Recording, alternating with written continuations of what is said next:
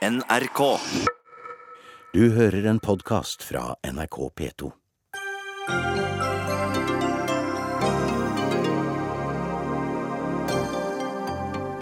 Terrorcellen i Spania er godt organisert, og derfor er etterforskningen spesielt krevende, sier en eh, forsker. I dag døde det 14 ofre etter terrorangrepet i Barcelona i går. Og hvor mye kan vi beskytte oss mot terror? Filosof Einar Røveringe mener det må gå en grense, mens myndighetene planlegger for økt sikkerhet, også på Oslos paradegate Karl Johan. Menn tok ut flere dager med pappapermisjon utover de ti ukene kvoten gir dem, selv om Høyre kuttet i fedrekvoten. Men Arbeiderpartiet mener Høyre likevel har gjort at færre menn velger å oppleve den første tiden med barna sine. Og samlivsekspert Frode Tuens svar til seksuelt frustrerte menn skapte reaksjoner i sommer. Ingen skylder partneren sin sex, sier psykolog, som mener Tuen legger for mye ansvaret for manglende sex på kvinnen.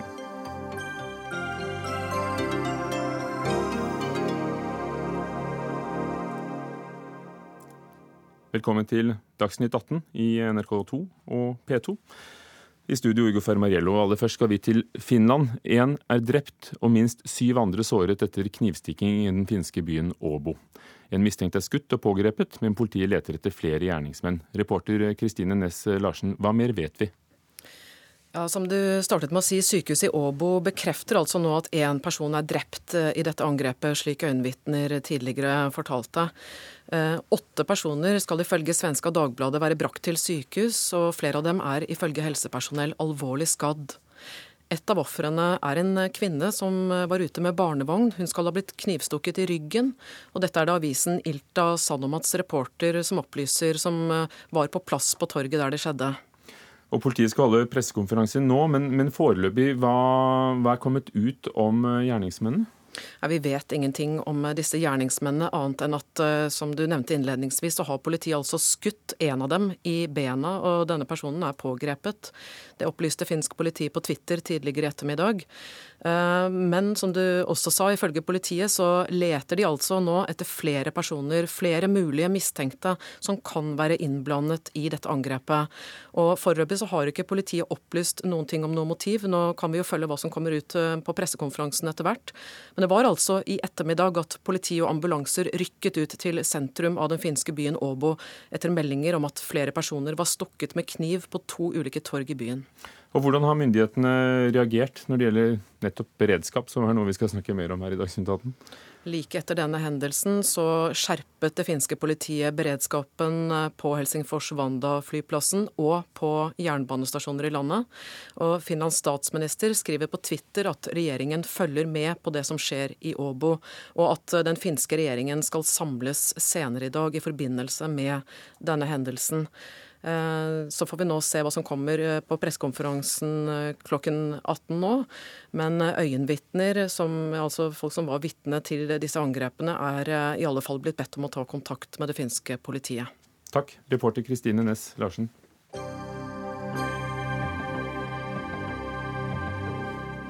Også Spania har vært gjennom et turbulent døgn.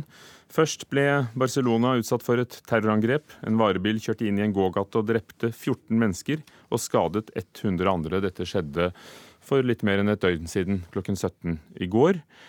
Tre eh, personer, eh, tre marokkanere og en spanjol, er nå pågrepet, mistenkt for å stå bak angrepet. Og Åtte timer etter dette angrepet i Barcelona kjørte en bil inn i en folkemengde i havnebyen Cambrils.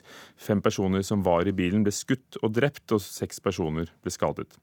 Guri Nordstrøm, korrespondent, du befinner deg i eh, Cambrils. Hva, hvor store er skadene etter angrepet i natt? Akkurat, eh, Vi kan ikke se så mye synlige skader. Jeg har sett noen kulehull etter dramaet i natt. Ellers så er, ble det ryddet bort klokken ni i dag morges. Men eh, folk jeg har snakket med her, de sier jo at dette til vanlig er en yrende ferieby på denne tida av året. I dag er det langt færre mennesker som har tatt turen på stranden og ut på promenaden. Så sånn sett er eh, sporene av det som skjedde, synlig. I tillegg til at alle vi har snakket med samfunnet selvfølgelig er i sjokk. Dette er angrep vi har sett i store byer som Nis, Paris, London, Stockholm, Berlin. Dette i motsetning er en liten ferielandsby, en liten fiskelandsby med rundt 30 000 innbyggere. Hva, hva, vet vi om de fem personene som da ble, ble skutt og drept av, av spansk politi? Hva, hva sier de? Ja, det er kommet, eh, ikke kommet så veldig mye ut uh, om det ennå, annet enn at de da selvfølgelig var tilknyttet IS. Uh, politiet har foreløpig ikke identifisert identifisert dem, men de har sagt at det kan være at at noen av de som deltok på, på angrepet her, var, eh, en, var, samme sjåfør som også kjørte i Barcelona. Men dette her er ennå ikke helt bekreftet. Ellers så har det jo vært et eh, problem her i Spania med med ekstrem islamisme. Allerede i 2007 så avslørte Wikileaks at uh, særlig her i Catalonia så var det mye ekstreme uh, islamister. Noe som da også henger sammen med, og det er også da grunnen til at de da kanskje har angrepet en liten uh, fiskelandsby som dette her, er at dette en gang tilhørte Eh, det muslimske riket under de såkalte Los Moros. De ble jaget ut av spanjolene her på 1100-tallet. Og IS har tidligere sagt at de ønsker å ta tilbake det landet som en gang tilhørte muslimene. Så det er altså den historien med maurerne som, eh, som kan, kan, ligge bak. Er det, er det, andre teorier om hvorfor nettopp denne lille feriebyen, fiskebyen, blir, eh, ble, ble angrepet? Det er det som er eh, teorien. Og selv om folk eh, som bor her og folk som eh, er på ferie her er sjokkerte, så var det tross alt en del politi her i går. og Det er derfor de klarte å stanse denne aksjonen i natt så raskt som de gjorde. Og Jeg snakket med politiet tidligere her i dag. De forteller at de har politi langs hele kysten nedover, nettopp fordi de har fryktet at noe sånt kunne skje. Og det har jo også CIA viser det seg også har advart Spania om at det var et angrep nært forestående. Takk skal du ha, Guri Nordstrøm i Cambrils. Philip Lote, vår europakorrespondent, du derimot er i Barcelona, hvor angrepet i går ettermiddag fant sted. I dag så døde altså ytterligere én person av skadene. 14 er tallet på døde. Um, hva sier myndighetene om hvor hardt skadet uh, de, de, de, de som ligger på sykehuset er? Kan vi vente at det blir flere ofre? Det er 15 som skal være hardt uh, såret, og Frankrike sier at flere av de som er alvorlig såret, uh, er av fransk nasjonalitet. Uh, så man kan ikke utelukke at dødstallet kommer til å stige. Den 14. personen som er bekreftet død, var en av de som var såret i Cambrils, der Guri Nordstrøm nå nettopp rapporterte ifra. Og det er da selvfølgelig en fare for at kan, eh, at dødstallene kan øke og at det kan bli verre. Eh, men her på Rambland hvor jeg står nå, så er det mange mennesker som har kommet ut for å eh, vise solidaritet med de som ble rammet, og omsorg. Og for å komme og se og ta litt inn over seg det som skjedde. Det er eh, blomster som blir lagt ut, lys som blir tent på forskjellige steder. Ikke på ett spesielt sted, men ned langs hele den veien hvor han kjørte. Og folk skriver beskjeder på ark. Og når andre som står ved siden av ser hva som blir skrevet, syns det er godt, så kan det bryte ut i korte applauser. Eh, og så begynner de ofte med dette ropet eh, som de hadde etter Eh, minutter med stillhet klokken tolv i dag. Altså, vi er ikke redde, vi er ikke redde. Det er blitt en slags uh, kjenningsjingle, uh, nærmest, uh, her i sentrum av Barcelona denne ettermiddagen. et ønske om å vise motstandskraft og ta opp en, en slags psykologisk kamp mot den terroren som de er rammet av. Så vi hørte fra Cambrils, og, og, du står altså på La Rambla. men Hvilken sammenheng er det katalanske myndigheter ser mellom de to angrepene? De fant jo sted relativt nær hverandre. Mellom angrepene, angrepene så fant de en annen eh, varebil som var leid muligens på samme sted som varebilen som ble brukt i selve angrepet på Rambland, altså at dette var fluktbilen. Eh, og eh, som vi hørte Guri Nordstrøm si, de utelukker ikke at føreren av bilen, som de etterlyser, kan ha eh, vært blant de som da senere på natten eh, ble drept i det andre terrorangrepet blant de fem personene som ble drept av eh, politiet. Eh, Politiet eh, avviser heller ikke at de egentlig planla et større angrep, men at dette ikke lot seg gjennomføre. At man da fikk disse to mindre angrepene i Barcelona og Cambris. Og de bekrefter jo at de mener disse personene som har stått bak, tilhører nettverk av radikaliserte islamister eh, av, eh, med bånd til jihadistmiljøet. Men de sier samtidig at de ikke er knyttet til noen konkrete terrorhandlinger før dette. IS har jo vært ute og påtatt seg skylden, men hvor, hvor sikre er politiet på at, eh, at dette er en, en troverdig påstand? Jeg tror ikke politiet i Spania eller den domstolen som har ansvaret for etterforskningen av terrorsaker, har noe interesse av å gi noen form for honnør til IS, bekrefte at det var de som sto bak. Eh, de nøyer seg, så langt jeg har sett, foreløpig med å si at det dreier seg om eh, unge gutter eh, knyttet til et miljø som Eh, var radikalisert, eh, som hadde eh, forgreninger til jihadistmiljøer, men de vil ikke, så vidt jeg har foreløpig notert, bekrefte at det var den eller den gruppen som sto bak. Og man vet jo heller ikke hvem som beordret dette, om det var inspirert av IS, eller om det kom på en eller annen bestilling. Det er altfor tidlig å vite noe om, og kanskje får vi aldri vite det heller. Men det som de som forsker på uh, ytterliggående islam i Europa sier, er at uh, det er uh, miljøer, ikke nødvendigvis voldelige miljøer, men det er en sterk salafisme i Spania, i Catalonia. Altså en, en konservativ form for uh, sunni-islam. Altså ikke en, en, type islam som i seg selv gjør at uh, man vil godkjenne bruk av vold mot andre, men som er såpass uh, ortodoks, bokstavtro og konservativ at den gir, sier de, en større mulighet for å radikalisere og for å prøve å motivere ungdom til å, å bli medlem av ytterliggående grupper og bruke vold for å forfølge sin sak. Eh, og Det er, har vært et tema i Spania lenge, selv om det er andre land i Europa som har sendt langt flere fremmedkrigere til eh, Syria og Irak f.eks. Takk skal du ha, korrespondent eh, Philip Lote, nettopp på hovedgaten La Rambla i Barcelona. Ja, Petter Nesser, du er en av disse europeiske forskerne som ser på radikal islamisme, og du er forfatter av boken som kom i fjor om historien til islamsk terrorisme i Europa, seniorforsker ved Forsvarets forskningsinstitutt. Hva er spesielt i Spania? Nei, Spania er jo et land som har en lang historie med eh, ekstrem islamisme og jihadisme. Eh, det ble etablert støttenettverk for jihadister i Spania på 90-tallet. Eh, og noen av disse nettverkene hadde forgreninga til en algirsk eh, terrorgruppe som heter GIA. Eh, og noen av disse nettverkene kobla seg etter hvert opp mot Al Qaida. Og rundt 2000, i forkant av angrepene i, i, på 11.9., så var det da et støttenettverk for, for, det, for den angrepscellen som opererte ut fra Madrid. Eh, det har også vært eh, flere terroraksjoner i, i, i, Spania og mange avvergede terrorplott.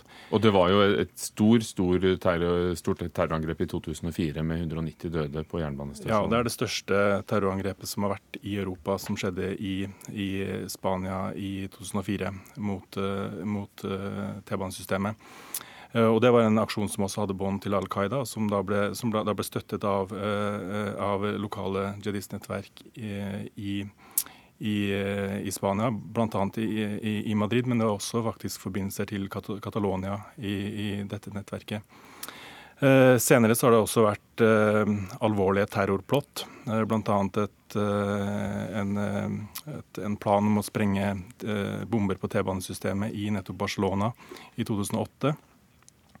Og så har vi sett nå de siste årene, etter framveksten av IS, at det har vært da flere eh, terrorplott i Spania som har blitt avverget eh, nå fram til dette angrepet skjedde. Og Her sier jo politiet at, eh, at de antar at de som sto bak gårsdagens begge angrep, planla egentlig noe større. Ja, det, det, det, jo, det, kan være indikasjoner på det, i og med at uh, det skjedde en uh, eksplosjon i, et, uh, i, en bolig eller et hus da, som ble knyttet til noen av de, mistenkte. og Det spekuleres da i om det her var en, en bombefabrikk, og at de hadde planlagt å også bruke bomber. Jeg tror det ble referert til at de skulle lage bomber med gassylindere og sette av et, et, et annet sted. Eh, men at de da har, eh, har eh, gått for hovedsakelig bilangrep. Altså, dette bilangrepet er jo litt, litt, spesielt i forhold til de forrige bilangrepene vi har sett uh, i Europa. Uh, nemlig at det kommer i sekvenser. At det er først et bilangrep og så et bilangrep utført av, av, samme gruppe. For vi har jo nå sett det i Berlin, i Stockholm, i London, i Nis. Ja, det, det, det, Dette er noe som, som, startet helt tilbake i 2013, eh, da eh, en eh, britisk soldat ble påkjørt og senere drept av Al Qaida-affilierte jihadister. Og Al Qaida hadde, hadde, jo også oppfordret til, nettopp denne typen angrep i sitt propagandamagasin Inspire, før IS på en måte har begynt å bruke dette mer. da. Eh, så det er, jo et eh, Det er en del av en, av, en, av en, utvikling mot enklere angrepsformer i Europa, som, som IS har, har oppfordret til. Men det er altså da ikke den eneste angrepsformen. Formen. Det skjer også flere angrep med kniv og skyte, skytevåpen. Og eh, det, fortsatt, det planlegges fortsatt rene bombeangrep, som det vi så i Manchester. Susanne Bygnes, forsker ved Sosiologisk institutt ved Universitetet i Bergen. Du har bodd i Barcelona flere ganger. og Hvilke tanker gjør du deg om at det er Catalonia som, som blir rammet av terror? For det første så tenker jeg jo at eh, til forskjell fra Madrid i 2004, som var helt tydelig et angrep på lokalbefolkninga, fordi det var disse lokaltogene, pendlertogene som kom inn til Atocha stasjon, så er det nå sånn at angrepet eh, i Barcelona har skjedd et sted der det nesten ikke er folk fra Barcelona. Eh, akkurat denne gata, Ramblaen, er, går det nesten bare turister på. Så hvis man bor i Barcelona, er det et typisk område av Barcelona som man unngår. Ser du en sammenheng mellom de to terrorangrepene, altså i Barcelona og den lille byen Cambrils? Nei, jeg har vel kommet over eh, at det var et par av de terroristene i eh, 11. september-terroristene som hadde et møte i akkurat Cambrils eh, i forkant av, eh, av, terrorangrepene der. Så at, eh, at det finnes en eller annen type eh, celle der, det men, men hvordan er forholdet mellom muslimer og andre grupper i, i Catalonia. For Spania og Catalonia har jo en muslimsk historie med, med maurerne. Ja, ikke sant. Eh, nå er ikke akkurat denne delen av Spania eh, det mest sentrale delen av dette Al-Andalus. da. Eh, så det var jo I 1492 så var det lenge siden, eh, siden denne delen av Spania var innlemma i, eh, i Andalus. Eh, For IS men, har jo sagt de vil gjenerobre dette kalifatet Al-Andalus. Ikke sant. Eh, men den, altså, denne delen av Spania er spesiell ved at den er spesielt internasjonal. Den er spesielt åpen mot folk utenfra. Den har et lokalt styre som har gått ut og sagt at det vil være City of Refuge, et europeisk City of Refuge, og har gått imot sentralregjeringen i Madrid, som sier at de vil begrense innvandringen. Så det er et område i Spania som er veldig åpent. Eh, for folk utenfra og for innvandring, og har en lang historie med innvandring både internt og fra andre land. Og Petter Nesse, Hvis vi tenker på at Catalonia nettopp da ønsker å være en frihavn, at dette rammet mange turister, utlendinger, ikke lokalbefolkningen, er det et annet mønster i angrepet enn det var i Madrid? Uh, jeg har faktisk sett at uh, i andre, altså i dokumenter fra en annen terroretterforskning at uh, fra Storbritannia at, uh, at disse angriperne faktisk kritiserte eh, Madrid-cellen for at de ikke nettopp slo til i turistsesongen, for å også da ramme internasjonalt. Men det er klart at, at Angriperne i dette tilfellet vil jo ramme Spania, og, Spania er jo et mål for uh, jihadister, både Al Qaida og IS. Er det en sammenheng der? Fordi de forrige store angrepet, Europas største terrorangrep, sier du, var jo da hadde bånd til Al Qaida. Hvis disse her IS påberoper seg at det er, det er bånd her, hvilken sammenheng er det mellom de to grupperingene? tenker nå på Angrepet i Barcelona og, og de tidligere jihadistnettverkene som finnes i Spania, som du snakket om? Ja, altså Jeg mener at, uh, at det er en, en klar uh, uh, kobling historisk mellom nettverk som opererte gjennom både 90- og 2000-tallet, og de grupperingene som, som opererer i, i, i, dag. Går det an å spørre så enkelt som hva, hva vil de? Det de vil, altså IS har jo vært veldig klare på hva de vil. De har sagt at de ønsker å straffe og hevne seg på koalisjonen mot de. Eh, og så kommer da et tilleggsmoment, eh, nemlig at eh, nettopp Iberia-halvøya har en, en, en, sentral symbolsk status da, i den jihadistiske ideologien. Andre momenter som blir trukket fram i, i, altså, i forbindelse med jihadistangrep i, i, Europa, det er jo forhold som altså Palestina. Uh, og det er også uh, det, det, vises også til arrestasjoner av islamister. Og nettopp Spania har jo arrestert veldig mange jihadister nettopp for å prøve å holde trusselnivået nede. Og noen av de også høyt profilerte. Susanne Bygnes, Spania har opplevd terror mange ganger. Hvordan tror du Barcelona og Catalonia og Spania håndterer det som har skjedd? Nei, jeg synes jo Det er interessant dette med å ville ramme Spania. fordi nettopp Catalonia ønsker jo å forlate Spania. De skal snart ha en folkeavstemning for å forlate Spania. Og I går, når det var en minnemarkering eh, på Plaza Catalonia, rett ved der eh, angrepene skjedde, og kongen og statsministeren sto der, så var det noen som prøvde å, å eh, vifte med et spansk flagg. Dette ble slått ned på. For dette er ikke et angrep mot Spania, det er et angrep i Catalonia. Så selv i disse tider ble det tema. Takk skal dere ha, Susanne Bygnes eh, fra Universitetet i Bergen, forsker ved Sosiologisk institutt, og seniorforsker ved Forsvarets forskningsinstitutt, Petter Nesser. Dagsnytt 18 alle hverdager klokka 18.00 på NRK P2 og NRK2.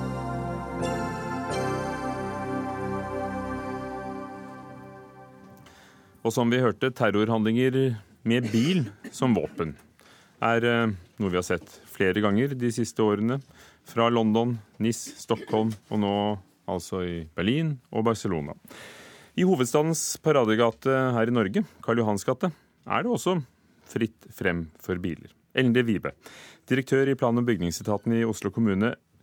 Hvordan jobber dere, du, med sikkerheten rundt uh, Oslo sentrum og Karl Johan? Altså Etter 22.07 så tok Oslo kommune initiativ til et samarbeid med Justisdepartementet og Kommunal- og moderniseringsdepartementet for å lage en grunnsikringsplan uh, for um, Her viser du den her. Det kom en uh, tykk rapport. Tykk rapport. Um, og så har vi i ettertid også jobbet sammen med Stortinget om en mulighetsanalyse for sikring av deres områder og gatene rundt. Og det samme med Kirkegaten. Um, er det noe i dag som forhindrer noen som skulle ville med onde hensikter eh, kjøre opp med en bil eh, opp på gatene i sentrum? Det er jo en del um, tverrgater uh, som er åpne, og det er jo et uh, dilemma. Uh, og vi holder nå på med en områderegulering i forbindelse med Bilfritt byliv-prosjektet. Um, og da kommer ROS-analysen vår til å ta for seg hvordan vi skal sikre crowded places, altså folksomme steder. Fordi den opprinnelige grunnsikringsplanen behandlet bare styringsfunksjoner, altså statens aktiviteter. ROS-analysen, sa du? Ja, Risiko- og sårbarhetsanalysen. Akkurat. Ja. Eh, Cecilie Daa, direktør eh, i Direktoratet for samfunnssikkerhet og beredskap. Dere har ansvaret for hvordan eh, norske kommuner øver på beredskapen rundt en terrorhandling eller store ulykker. Eh, er dette, som vi har sett fra Barcelona, noe vi kan øve på? Sikre oss mot? Ja, altså Vi har eh, en rolle i forhold til å jobbe med å sikre utholdenhet og motstandskraft eh, i sivile systemer, herunder også kommuner. Eh, og I tillegg jobber vi med å sørge for at ressursene finner hverandre. Og Mitt svar på det er ja. Eh, vi jobber med eh, Ellen Vibe nevnte dette med risiko- og sårbarhetsanalyser. Vi gjør det nasjonalt og lager krisescenarioer og oversikt over kritiske samfunnsfunksjoner. Nettopp for at man kan bruke det i planverk, i risiko- og sårbarhetsanalyser, i øvelser og ikke minst evaluering og oppfølging av øvelser. Men det er hvis ulykken først er ute. Går ja. det an å sikre oss mot at det skjer? Hvor, ja. hvor mye kan vi sikre oss? Det er et veldig krevende spørsmål. Eh, ikke sant? Og vi har nå eh, mange ulike typer av krisescenarioer. Men det vi jobber med, er det vi sier er en sånn all hazards approach. Altså at det spiller ikke egentlig noen rolle hva som rammer oss, men systemene må fungere og kunne håndtere konsekvensene av det uansett. Så sånn sett er det ikke så stor forskjell på en storulykke eller et terrorangrep eller den type ting. Eh, vi må ha motstandskraft og utholdenhet i den enkelte person i eh, kommuner, i regioner. Og vi har et krisescenario på storby, terror i storby, eh, som er utviklet sammen med Oslo kommune og en rekke andre aktører som kan brukes aktivt her. Ellen Vibe, det var mye snakk om hvorfor ikke Grubbegata var stengt før eh, bombeangrepet på 22.07.2011. Er det Hvor mye kan vi stenge for å sikre sivilbefolkningen. For her er det jo ikke bare lenger enkelte bygninger som storting, politi, hovedkontor, eh, regjering. Her er det jo hele gater fulle av folk. Jeg tror aldri du kan stenge alle risiko ute. Men det er klart du kan tegne byens eh, altså byrom og bygulv og torg på en måte som gjør at du både kan få til byliv, og du kan få til sikkerhet. Et eksempel Norges Bank. Der har de eh, nylig, i forbindelse med sitt jubileum, eh, satt opp en del pullerter. Men de har også laget en del av disse elementene som benker, som folk kan sitte på. Så ser man ikke at de benkene er eh, fundamentert langt ned i bakken eller er forsterket på ulike måter, men det blir hyggelig sted for folk å sitte. Eller et annet eksempel hos dem. På Bankplassen så det en, er det en skulptur med en dame som ser på en mobil. Den skulpturen syns alle er helt flott, men det er egentlig et sikkerhetstiltak. Altså, fullt... Lurer vi ikke bare oss selv? Nei, fordi det er jo noen prinsipper i dette her med uh, å hindre bilstyrt uh, sikkerhet. Og det er ikke lange, rette gater. Eh, du må få bilene til å måtte endre retning, fordi ellers så får de eh, oppfarten. Eh, du må ha avstand til de stedene hvor det er mange mennesker. Det er en del sånne prinsipper man kan bruke for å mm, hindre den type atferd som man bruker når man bruker bil, da, som, som våpen. Ja, Det er byplansjefen. Einar Øverenge, du er filosof og mm. forfatter. og Når du hører snakk om sikkerhet og beredskap og kunst, som egentlig er også da et hinder mot biler. Ja, du ser det utenfor eh, Kringkastingshuset også. Det, ser, det, er kunst, men det er også en steinklump som hindrer noen å kjøre inn. Hva tenker du? Ja, det syns jeg ikke er så veldig problematisk. Eh, kanskje kunstnerne reagerer på det og blir brukt på en annen måte enn det de ønsket. Men, men, men det interessante er jo selvfølgelig det du spørsmålet stilte, hvor langt kan vi gå? Altså En av problemstillingene med terrorhandlinger, er jo at de inviterer Det er liksom to skal vi mål for en terrorhandling. Det er de de direkte angriper og skader og lemlester og dreper. De er i prinsippet uinteressante for terroristen i seg selv. De er midler, og det er noe det er forferdelige med terroristen. At de instrumentaliserer mennesker, altså gjør dem til rene midler. For det egentlige målet er å gjøre noe med samfunnet og på mange måter pleier jeg si et demokrati beangrepet. Det er en slags invitasjon til demokrati til å ødelegge seg selv innenfra og ut. Altså Det kan bli veldig fristende å gå veldig langt i å beskytte seg. Så langt noen ganger, og det er noe av problemstillingen her, at det egentlig ikke er forenlig med et godt fungerende demokrati. Når når vi den grensen, tror du? For det er klart at ja. på, på, på, forskjellige måter så har, beskytter vi oss jo. Uansett. Og det er jo helt umulig å ikke gjøre det. Og det er helt umulig at man ikke har denne type diskusjoner i etterkant. Hva kan vi gjøre nå? Det er blitt nye trusler. Hvordan kan vi beskytte Det er selvfølgelig at vi gjør det. Problemstillingen er fins det en grense på et eller annet punkt der fremme som vi ser at den vil vi ikke krysse, selv om det ville skapt økt sikkerhet i samfunnet? Altså den mer prinsipielle diskusjonen? Eller er det sånn at vi for hvert angrep går ett skritt videre? Vi vil nok ha sikkerhetstenkning i dag som ville vært fremmed for 20 og 30 år siden, og tiltak som ville vært svært fremmed for 20 og 30 år siden. ikke sant? Eh, eh, bare nede her i NRK-bygningen så, så, bygger man en ny, nytt inngangsparti hvor det skal være økt sikkerhet. Og Går vi 30 år tilbake i tid, var alle store kontorer i byen, også NRK, mm. helt åpne. Alle kunne gå inn og, og benytte seg av kantinen. Og Cecilie da, når blir det nok sikkerhet hvis vi skal være et åpent samfunn? Ja, det er jo eh, et verdispørsmål og et mm. politisk eh, spørsmål på mange måter. Jeg er opptatt av det mer operative her. At vi er i en utvikling som er veldig krevende på samfunnssikkerhet og beredskapsområdet. Og da er det viktig at vi drøfter disse spørsmålene, men også gjør de viktige tingene. Eh, F.eks. Eh, orientere befolkningen vår om hva man skal gjøre i forbindelse med eksempelvis en terrorsituasjon eller andre farlige situasjoner. For noe av det jeg ser nå, og det er læringspunkter fra Brussel og Paris, det er at det å ikke ha noen forberedthet også i befolkningen, det gjør en utsatt. Og Det er veldig enkle råd som vi har f.eks. på sikkerhverdag.no. Eh, og det er altså viktig eh, og riktig at vi også forbereder oss. Men det er klart det går en grense. Og dette er, dette er, helt forståelig og helt riktig, og det ville vært feil å ikke gjøre det. Og Samtidig er det en bakside av den medaljen, og det er at terror er noe vi skal begynne å regne med. Og man økt grad har man også begynt å omtale terror mer som hendelser enn som handlinger. Det vil si noe som bare skjer. Mm. Men kan det være at vi ligger etter? I Europa for øvrig så var de vant til politisk terror ja, da, I hele etterkrigstiden? Ja da. Så, så, det er klart at det Vi må ta det inn over oss. Men, men, men allikevel så, så, mener jeg også det blir feil hvis det Og dette synes jeg er problemet, fordi selvfølgelig skal vi forberede oss. Men er det likevel noe eh, Ordføreren i, i London gikk sånn at dette må man nesten regne med, har han sagt. ikke sant? Og Det syns jeg også er veldig problematisk utsagn. For det syns jeg faktisk ikke at, nesten, at En bilulykke må man nesten regne med. ikke sant? Men terrorhandlinger skal man egentlig ikke nesten måtte regne med. Elde Vibe, må du regne med det som sjef for plan og bygg i Oslo? Det jeg har lyst til å bare si, er at um, de store byenes bygulv, altså gate, uh, kjørefeltene, fortauene osv., er arealer som i mange tiår har vært planlagt for stor fart for biler. Nå er vi inne i et slags paradigmeskifte hvor vi vil ta i bruk disse arealene til helt andre formål. Det er også Barcelona for øvrig.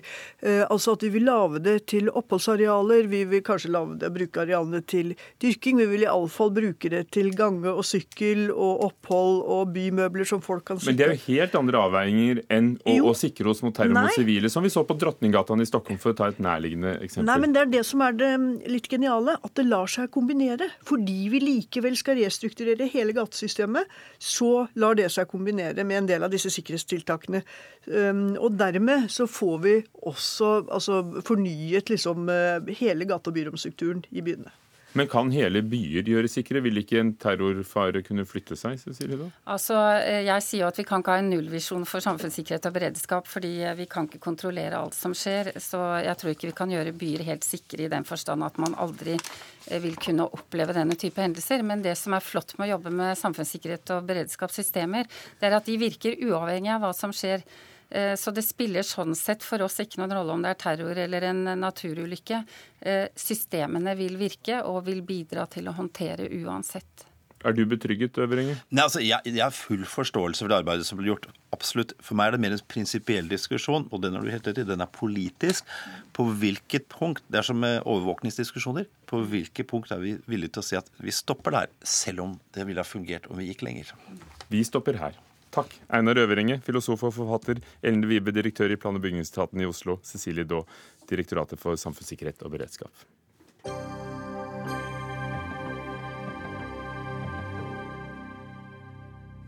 Må norske fedre ha en kvote med permisjonsuker for at de skal velge å være hjemme med sitt eget spedbarn? Hver gang Stortinget har utvidet fedrekvoten, har menn valgt å være lenger hjemme med barnet. På tross av at Høyre innskrenket kvoten fra 14 til ti uker i 2014, viser Navs statistikk. For første gang at flere norske menn velger å ta ut mer permisjon utover fedrekvoten på ti uker, sammenlignet med i fjor. Anniken Huitfeldt, eh, stortingsrepresentant fra Arbeiderpartiet. Hvordan tolker du denne tellingen av hvor mange dager med foreldrepenger norske menn og fedre tar ut? Den største forskjellen er jo siden 2015, for det var jo da 14 ukers pappaperm ble fjerna. Og så gikk den ned til ti. Ikke takket være Høyre, for Høyre og Frp ville jo fjerne helt. Men så var det KrF og Venstre da som sa nei, vi må ha ti. Så det blei jo mye bedre enn sånn det var som ment å bli. Ja, Da hadde det blitt virkelig dramatisk, og det har vi sett fra andre land også. Så vi ser at de som tar ut mer enn ti uker, at det har gått ned i perioden etter at den blei fjerna.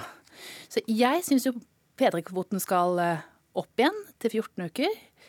Da veit vi at flere tar permisjon, og forskerne sier det er en sammenheng mellom kvotens lengde og hvor mange som tar da. Men Anniken Huitfeldt, eh, første året så gikk det ned. Nå viser tallene, de nye tallene at 35,5% av fedrene velger å få foreldrepenger i ti uker eller mer. Og nå har det økt igjen med valgfrihet. Så, så, så de, har- de velger seg dette likevel, da. Ja, og, og det flere. er jo bra. For hvis Høyre hadde fått det som de ville Jeg vet ikke, jeg var satt i dette studioet veldig mange ganger i valgkampen i 2013 og ble beskyldt fra Høyre for å styre familien og skade barna. Altså heldigvis så må mye ros til Høyre. da. De, de, de skifta jo mening, som de gjør i veldig mange likestillingspolitiske spørsmål, kommer etter Arbeiderpartiet. Men det som er viktig, er at det er færre som tar ut mer enn 50 dager sammenlignet med da kvota var 14 uker. Så det var flere som tok ut mer enn ti uker når kvota var lenger. Så det er en sammenheng, og det sier også forskerne, mellom kvotens lengde og hvor mange som tar ut permisjon. Tina Bru, du, du verker sikkert, sikkert etter å si noe fra vårt studio i Stavanger. Du er stortingsrepresentant for Høyre, leder av Høyres kvinnenettverk. Er, er det riktig at, at det blir færre, tross alt, selv om de siste tallene viser en oppgang fra i fjor? Det er jo riktig at det har vært en liten nedgang i andelen fedre som tok ut ti uker eller mer eh, siden 2015, altså når den var på 37% Nå er den på 35,5% Jeg syns jo ikke det er på en måte et sånn helt forferdelig tall, og trenden er jo veldig god. Den viser jo at den øker, og at det er stadig flere menn som, som tar pappaperm. Men dere vil jo ikke ha kvote i det hele tatt, som vi ble minnet på her i sted. Ja, Nå går vi jo til valg på å ha en kvote, da. Det er jeg veldig veldig glad for. Jeg har jo vært en av de som har kjempet for det Høyre, fordi jeg mener absolutt at kvoten har en funksjon. Men det jeg syns er litt merkelig med Arbeiderpartiet, er at jeg tror nesten, og jeg har vært i dette studio mange ganger og hatt likestillingsdebatter med Arbeiderpartiet, men det er alltid pappakvoten. Altså Det virker som at likestilling i Norge det står og faller på om pappakvoten er 14 uker, eller om den er 10 uker eller 12 uker. Og det tror ikke jeg på.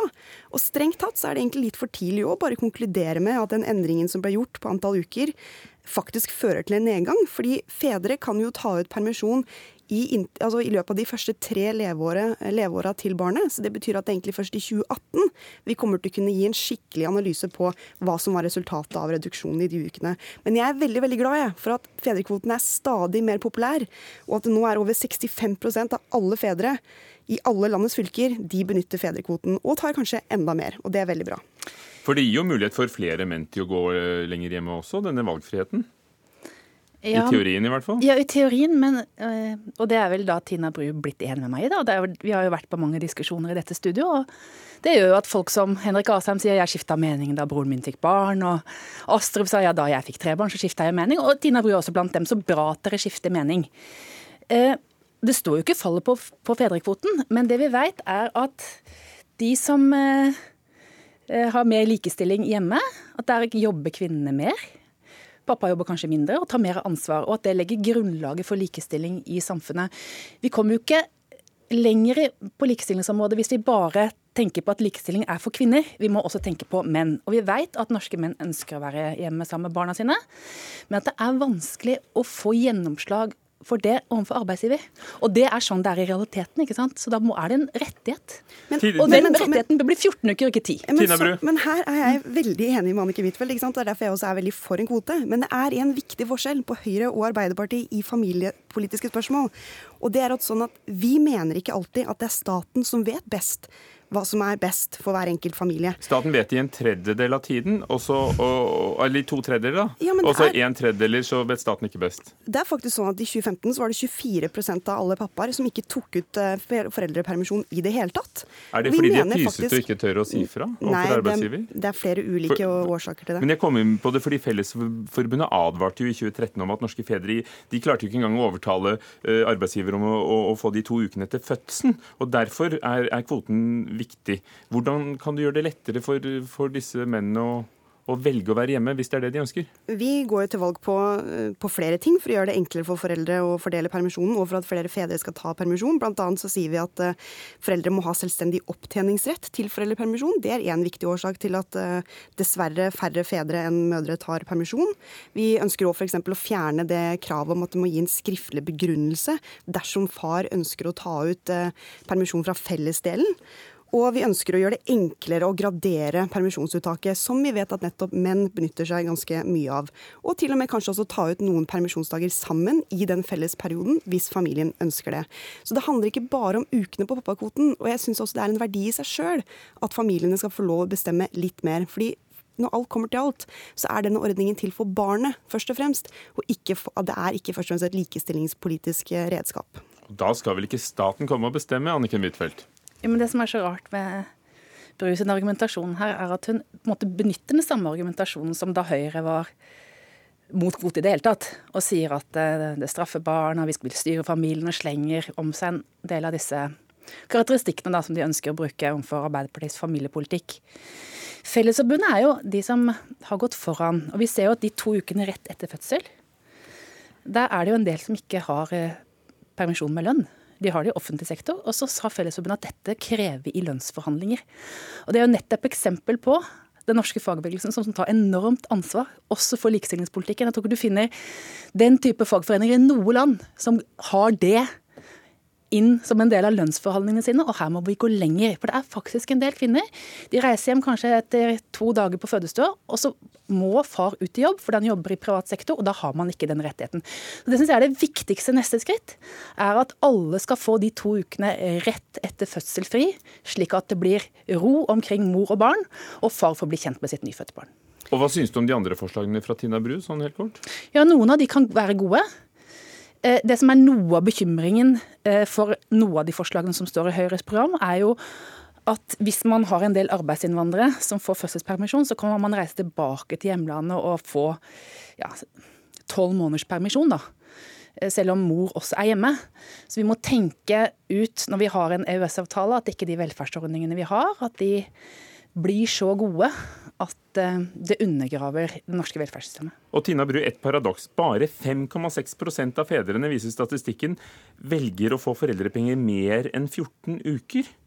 Hvor, mm. altså det, I den tiden som kan deles mellom mor og far, hvorfor i all verden er det så få? Det virker da som en luksus å kunne få det. Men heldigvis er dette også noe som har eh, økt gradvis siden eh, man først startet med fedrekvote. og Da var den jo mye mindre enn 14 uker, for å si det sånn. Men man ser jo at etter hvert som tiden går, så er det stadig flere fedre som ønsker å benytte seg mer av permisjonstiden, også det som er utover kvoten.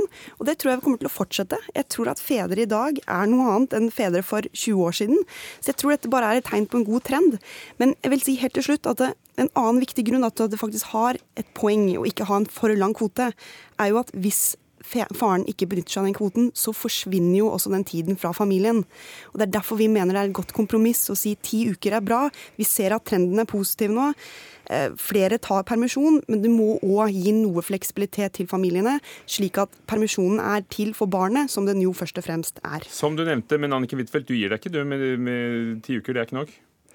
Det er ikke nok Høyre kommer alltid etter, vet du. 20 år etter i spørsmålet om abort, mange år etter når det er synd på makspris i barnehagen og lovfesting av rett til barnehageplass, og så kommer dere 25 år etter når det gjelder pappaperm, men ta et skritt lenger. 14 uker gir bedre likestilling, og det er bedre for barna også. Og dere, snart er det valg. Takk skal dere ha, Anniken Huitfeldt og Tina Bru.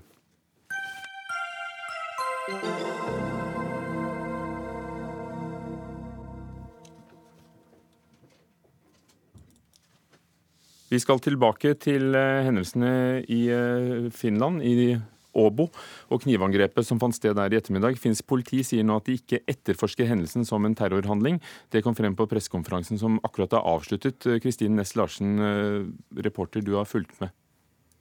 Ja, altså Det som eh, kom fram, da, som du nettopp nevnte, er jo at uh, finsk politi ikke vil uh, kalle dette for en terrorhandling.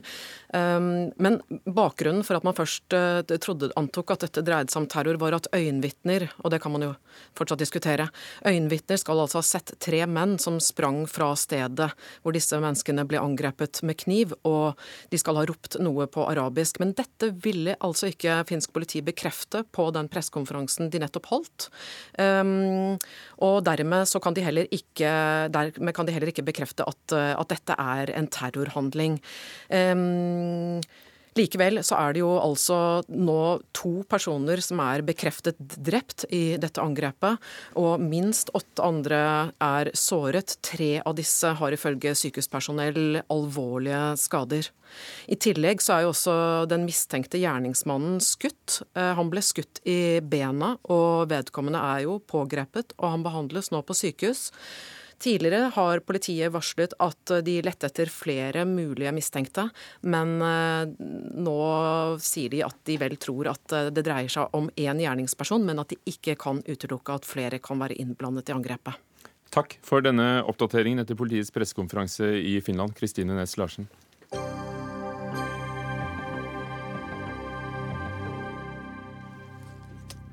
Det skal handle om sex, eller mangel på sex.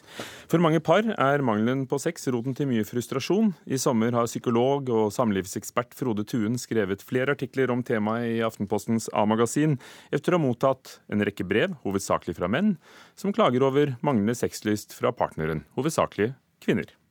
I et av svarene til en seksuelt frustrert mann skriver Tuen at eh, den som er minst interessert i sex, i dette tilfellet kvinnen, også tar mindre ansvar for å løse problemet. Han skriver at Kvinners mest typiske unnlatelsessynd i kjærlighetslivet handler om manglende seksuell interesse og initiativ. Frode Thun, professor i psykologi, forsker og forfatter. Hvilke reaksjoner fikk du etter disse linjene?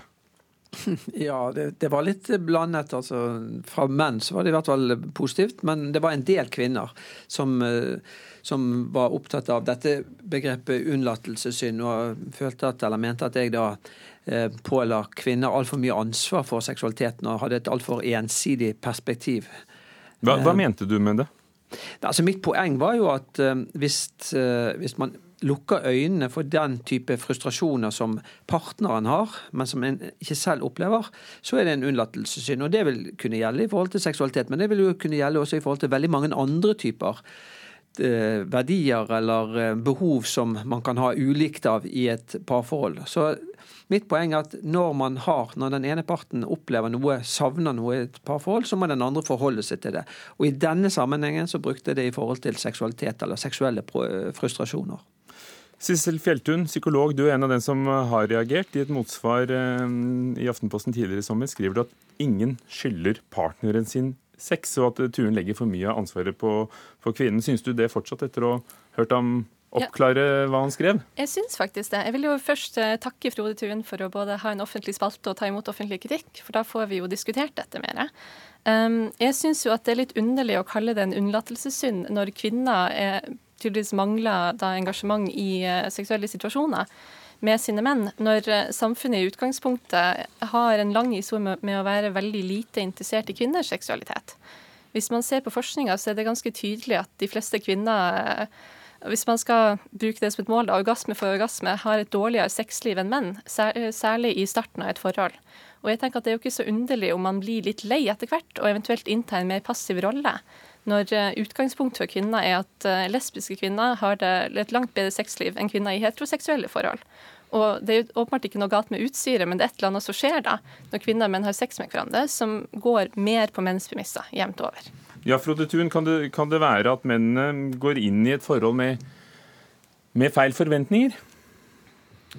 Eh, altså, Menn og kvinner har litt ulike behov når det gjelder seksualitet. Og seksualiteten kommer til uttrykk på litt ulike måter. Mitt poeng har hele tiden vært at når man lever sammen, enten det er noe som mann og kvinne eller to av samme kjønn, så må man forholde seg til at man også kan ha ulike behov også på det seksuelle området. Og det er den diskusjonen som jeg dro opp.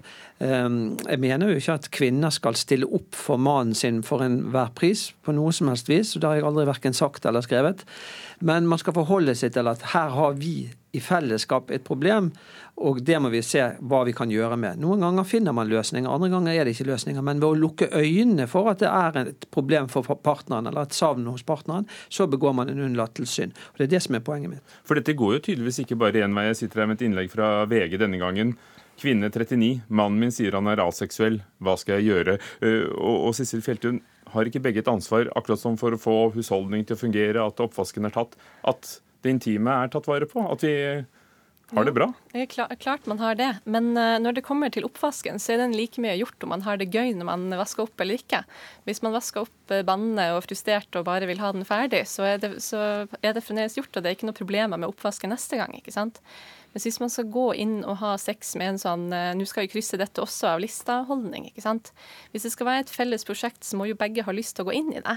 Og det med aseksualitet er en veldig viktig sak, det også. Fordi det har først blitt diskutert offentlig de siste kanskje ti årene eller noe sånt. Og hvis man har et veldig lavt seksuelt behov og ikke, og ikke har i seg da, å møte andre på det, eller syns det er frastøtende, eller at det ikke passer for en, så kan jo ikke du som partner ta så kreve at din partner skal endre seksualiteten sin. Like lite som en aseksuell person kan kreve at den andre parten blir aseksuell for at forholdet skal gå bedre opp. Frode Thun, er, er seksualitet en, en gitt størrelse i livet? Nei, altså det kommer jo an på hvordan man uh, tolker og forholder seg til sin egen seksualitet, og hvordan man klarer å skape rom for den i et forhold. og Det må begge bidra til. Det er det som er mitt poeng. Og Det gjelder som sagt ikke bare seksualitet, det gjelder også f.eks. kommunikasjon. Det gjelder, hvordan man skal fordele oppmerksomhet og emosjonalitet i forholdet. Der kan man være veldig forskjellig. og Hvis den ene sier at nei, men det er ikke mitt problem, det får du finne ut av på egen hånd, så begår man en unnlatelsessynd. Sissel Fjeldum, hva ville du svart til de som skrev med disse spørsmålene, hvor de opplever at den andre har mistet interessen, ikke bare for sexen, men for å få det til å fungere? Jeg tror jeg ville introdusert dem for begrepet entusiastisk samtykke, som går ut på at man skal ha sex fordi man ønsker å ha sex med akkurat denne personen akkurat nå. Og at man kan ikke kreve eller forlange lyst, men man kan inspirere og lokke dem, som Norsk forening for klinisk sexologi sier. Og at da må man gå til partneren sin og si at dette er veldig vanskelig for meg, for jeg har ikke lyst til å presse det, men samtidig dette er veldig viktig, og jeg savner den nærheten vi pleide å ha. Men Frode Thun, var det ikke omtrent det du var innsenderen om å gjøre, da? Jo, omtrent. Med, med, litt andre ord, men selvfølgelig, det var det som var poenget. Altså, man må kunne diskutere hvordan kan vi løse dette problemet. Finnes det noen løsninger? Og da må jo begge parter være villige til å gå inn i det og så utforske hva er problemet, og hva er eventuelle løsningene. VGs eh, sexolog foreslår en løsning utenfor parforholdet. Det, ligger alltid løsningen i tosomheten? Jeg lar det gå til dere begge.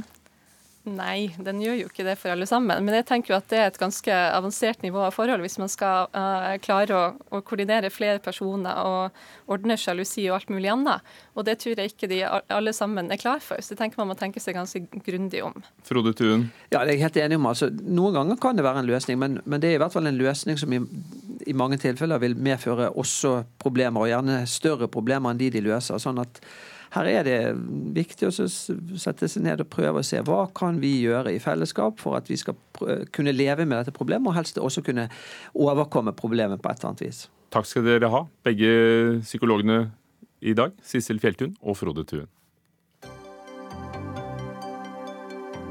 Hør Dagsnytt 18 når du vil. Radio NRK Radio.nrk.no.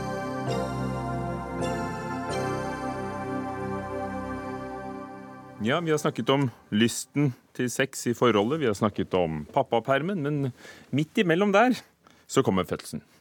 Lang reisevei til fødestuen, sykehus som skriver ut nybakte mødre i ekspressfart og mangel på jordmødre i kommunene.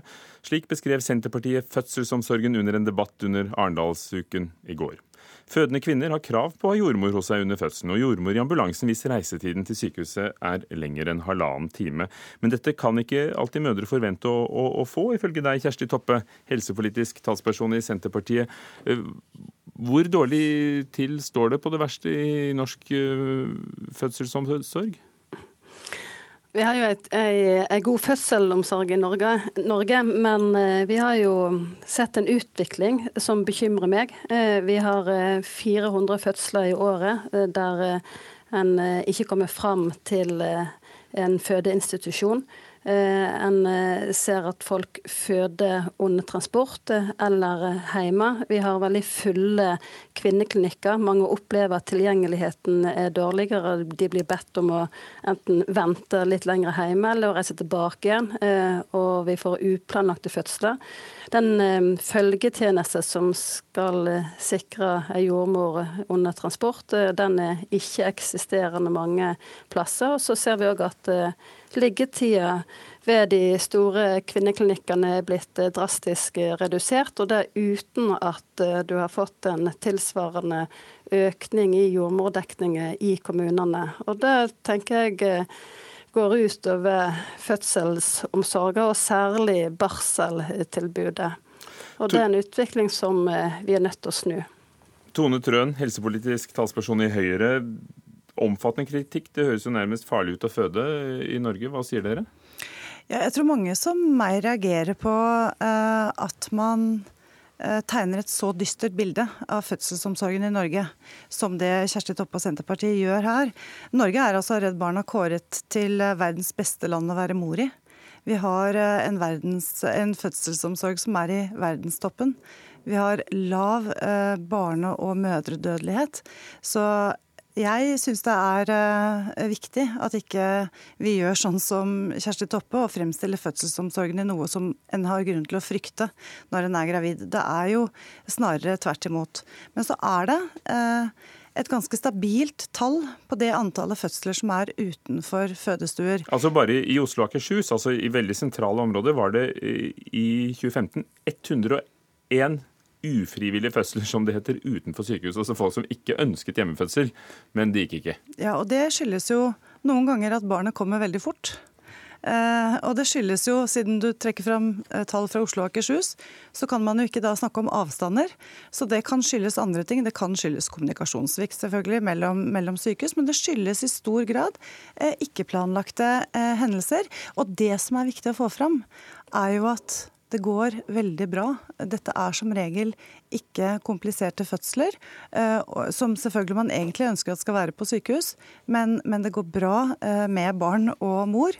Eh, og man må jobbe med å se på muligheter for å redusere det tallet, men det har altså ligget veldig stabilt i mange år. Kjersti Toppe, du, du brukte noen sterke ord under debatten i Arendalsuka i går. Drektige kyr har bedre tilbud enn fødende kvinner i Norge. Hva legger du i det? Er det ikke litt vel skremmende?